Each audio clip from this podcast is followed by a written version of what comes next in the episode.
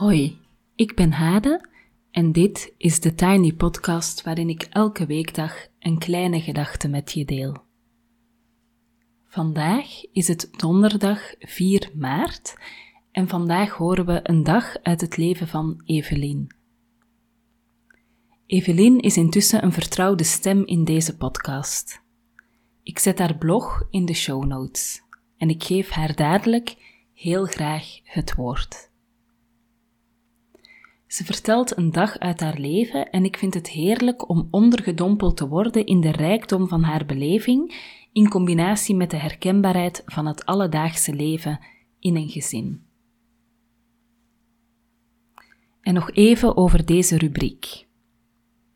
Ik denk dat het ontzettend helpt om compassie, mildheid en begrip voor elkaar te krijgen als we af en toe een keer een blik in elkaars hoofd en leven kunnen werpen. En ik denk dat dat via deze weg heel goed kan.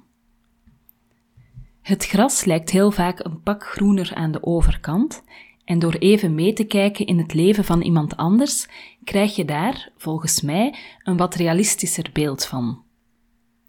Andere mensen, ook die bijzondere, fijnzinnige, gevoelige vrouw die net als ik haar thuisland verruilde voor een liefde uit het noorden, heeft soms drie pogingen nodig om mayonaise te maken en oefent compassie met haar dochter. Ik wens je heel veel luistergenot met een dag uit het leven van Evelien.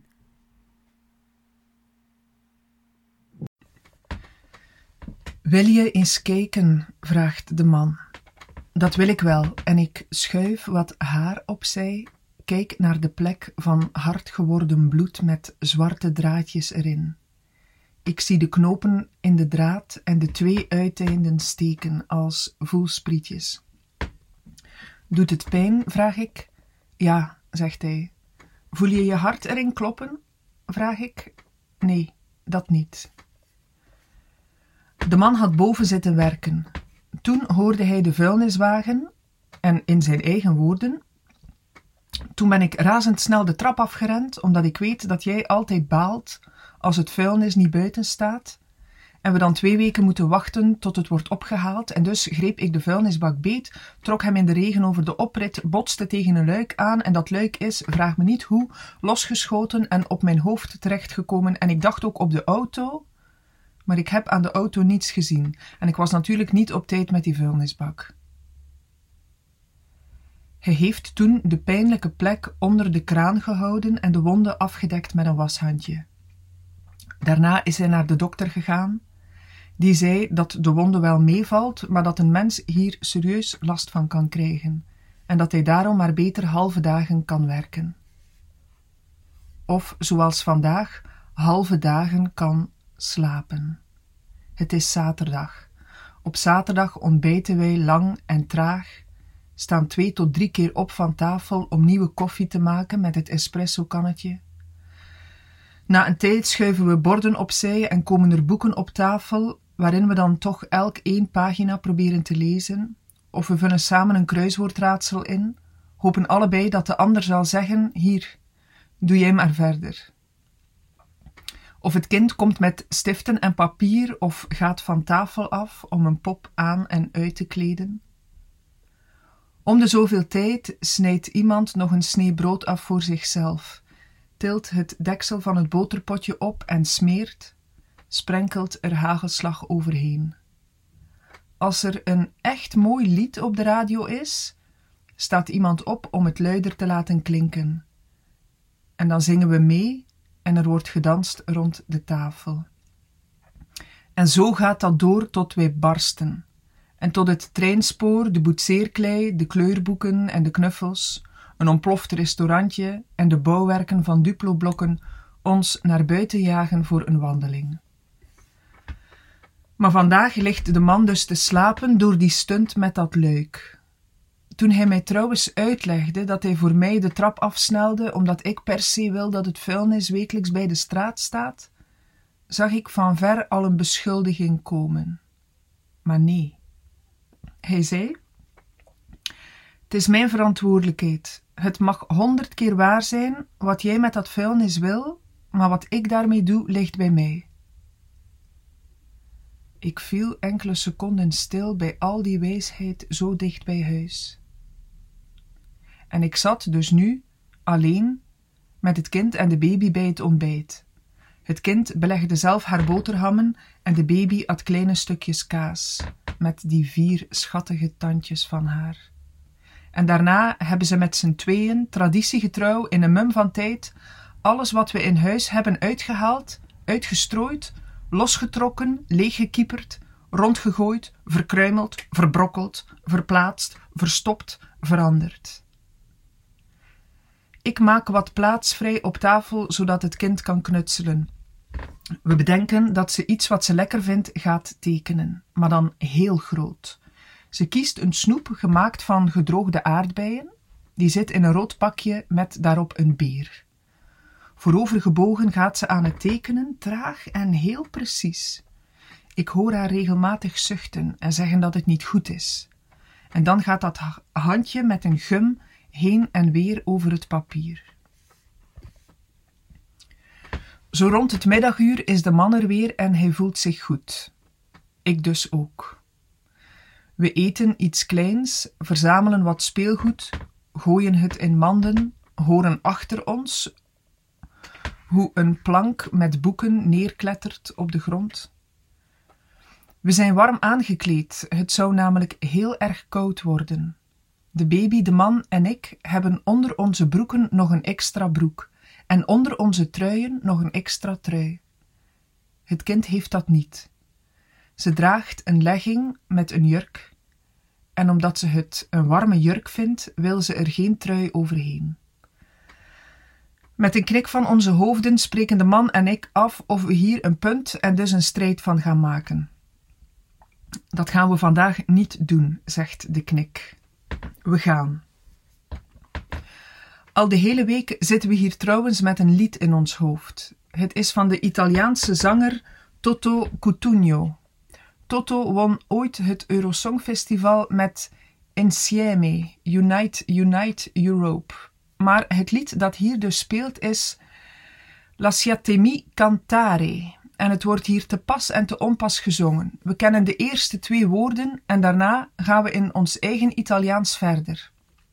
Ook nu, tijdens de wandeling, wanneer het kind ons voorgaat op een fietsje en wij naast elkaar achter de wandelwagen stappen.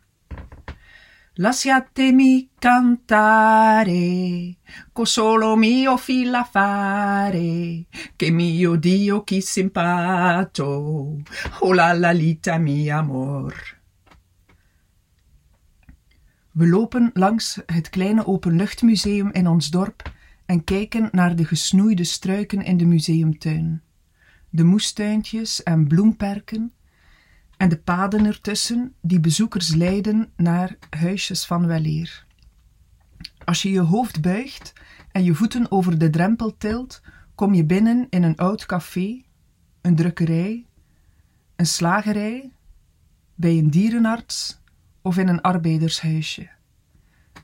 Bij een van de huisjes komt er rook uit de schoorsteen. We staan er naar te kijken. Ik vraag me af hoe dat kan.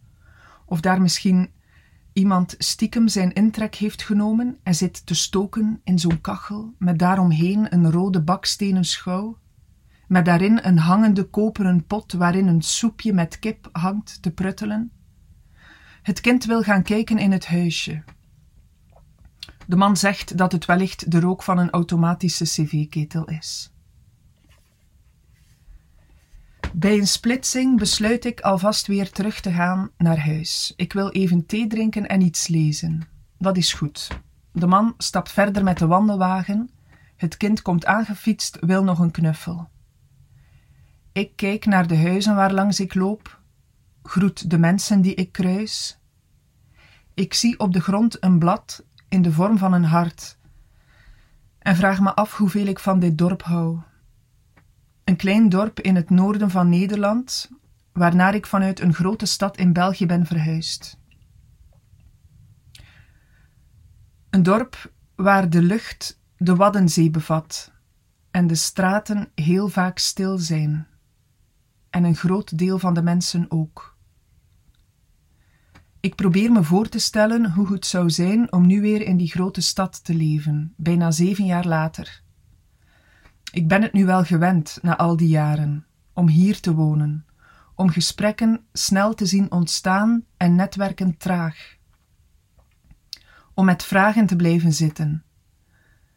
Om achter die ramen zonder rolluiken warme lampjes te zien en banken met bijpassende kussens en een gemak dat ik niet ken. Ik ben thuis, laat water koken, maak een stuk van de tafel leeg en ga zitten. Weet je wat ik ga doen? Ik ga uit die tijdschriften die hier liggen woorden knippen en daar gedichten van maken. Ik knip. Vuur. Begin. Het verhaal. In goede staat. Verschijnselen. Onvermoeibaar. Het verschil. Goed roeren. Het kind, de man en de baby komen ook thuis. De baby komt bij me op schoot en het kind kruipt met de man en een boek in de zetel. En daarna gaan we eten. Al de restjes van de voorbije dagen komen op tafel nadat ze werden opgekalefaterd. Aardappelpuree met een korstje uit de oven. Gekarameliseerde worteltjes. Quinoa met gekruide tofu. Kleine notenburgers. Gebakken champignons. Sla met wilde selder en zelfgemaakte mayonaise. Ik laat die zelfgemaakte mayonaise trouwens zelf twee keer mislukken waardoor het aanrecht vol eierschalen ligt, de fles zonnebloemolie meer dan gehalveerd is en de man twee kommen met een vettig olie, mosterd, eiermengsel moet gebruiken om zijn geslaagde basis mee aan te dikken. Het lukt hem en hij is trots. En ik gun hem dat. Als we dan eindelijk aan tafel kunnen, zegt het kind: Ik heb geen honger, want ik heb een te groot idee voor een tekening. De man en ik kijken elkaar aan en begrijpen de kwestie. Alleen komt het niet zo goed uit. We krijgen haar zover aan tafel te gaan zitten en van alles wat op haar bord ligt te gaan eten. Maar het kind is niet te houden. Rent met een volle mond steeds de tafel af om iets bij haar werktafeltje te gaan doen. En steeds komt ze wat eten halen. Ze vindt het erg lekker, zegt ze. Kauwend zit ze te kleuren daar aan haar werktafel. En ineens staat ze daar met een briefje met daarop een huisje met een schoorsteen, twee ramen, een deur en drie bloemen in de tuin. Het is voor papa. Wat later volgt er dan nog eentje voor mij. Ook een huisje, een blauwe lucht, een grote deur, twee bloemen. Ik kijk naar de tekening en dankjewel en aai het kind over haar hoofd. Wat ik schattig vind bij huisjes, zeg ik, is een pad. En dan gaat ze bij het huisje een pad tekenen. En terwijl ik dit schrijf, begin ik, denk ik, iets te snappen. Ik hou een hand voor mijn mond en zucht. Misschien heb ik met mijn opmerking over dat pad wel de hele scène ontketend die nu volgt. Ik krijg het huisje terug met een pad erbij. Ze neemt nu de tekening van papa, gaat ermee naar haar werktafel, want dat huisje moet nu ook een pad. Ze kleurt. En dan schreeuwt ze en trapt ergens tegenaan. Het is mislukt. Het is echt heel lelijk. De man gaat naar haar toe. Ga weg! Wat is er dan, lieverd? Ha! Ze gromt. Ga weg! Het is zo lelijk, die tekening van mij. En ze huilt, heel hard en luid. En als we haar willen aanraken, dan krijgen we een mep. En ze huilt. Het is verpest. De baby speelt met een stukje aardappel en wij staan daar allebei wat te staan. Het kind gilt, schreeuwt en wipt kwaad op en neer op haar stoel. Ik neem de deurklink beet en zeg: Wil jij met mij meegaan naar boven? Dan gaan we samen op bed liggen en een beetje knuffelen. Ze snikt en knikt en komt naar me toe. Ik til haar op en draag haar naar boven, maar moet halverwege de trap even pauzeren. Het is moeilijk, hè, zeg ik, terwijl ik op haar kamer haar kleertjes uittrek en haar in de pyjama help. Het is even niet gemakkelijk, hè. Zullen we het slaapmutsje opzetten? Ja, klinkt het. Ik trek het mutsje over haar hoofd. Het dekt haar oren af en haar gedachtes en al wat ze denkt te moeten. We gaan samen onder een deken op bed liggen. Ze krult zich op, kruipt tegen me aan. En zo liggen we daar, allebei met opgetrokken benen, zo dicht als we maar bij elkaar kunnen komen. En dan vertel ik, weet je, over dat ik eens een schilderij had gemaakt en dat het af was en dat ik tevreden was en het goed vond. En dat ik toen bedacht dat er misschien nog wel ergens een mooie streep op kon, om het nog mooier te maken.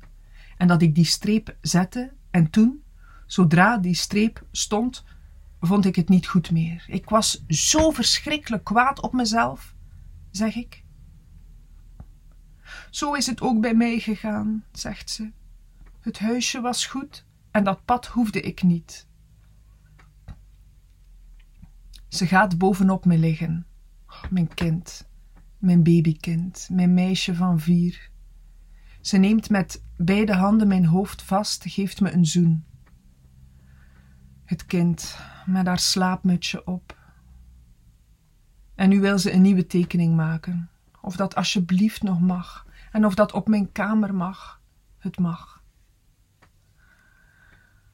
Als het kind en de baby allebei slapen, staan de man en ik in de woonkamer. We ruimen wat blokken en boerderijdieren op, drinken ondertussen wat thee, zeggen dat we moe zijn.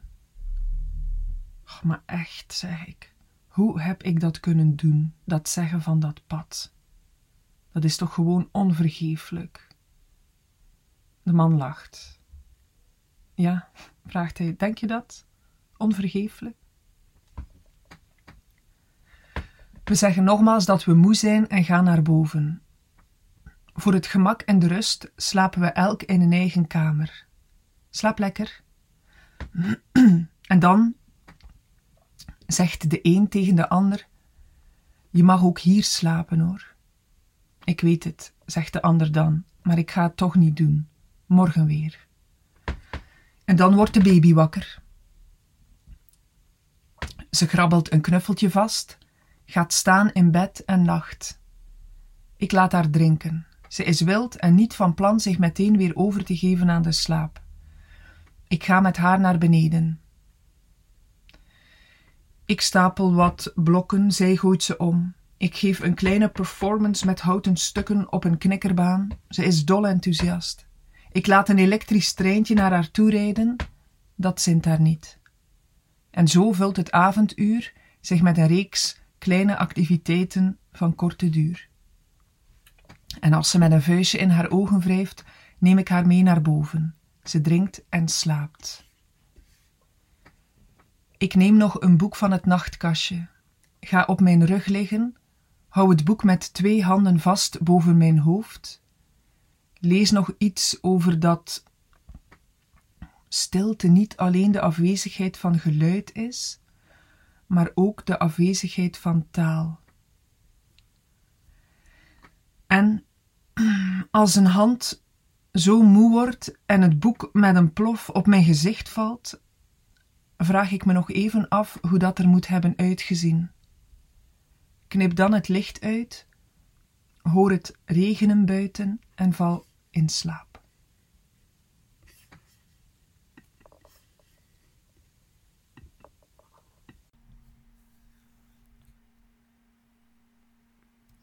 Dankjewel Evelien om jouw dag te delen met alles wat er is en was. Als jij graag een dag uit jouw leven wil delen, ben je natuurlijk van harte welkom in de Tiny Podcast. Je mag me een mail sturen op thetinypodcast.gmail.com en dan krijg je de instructies en spreken we een deadline af.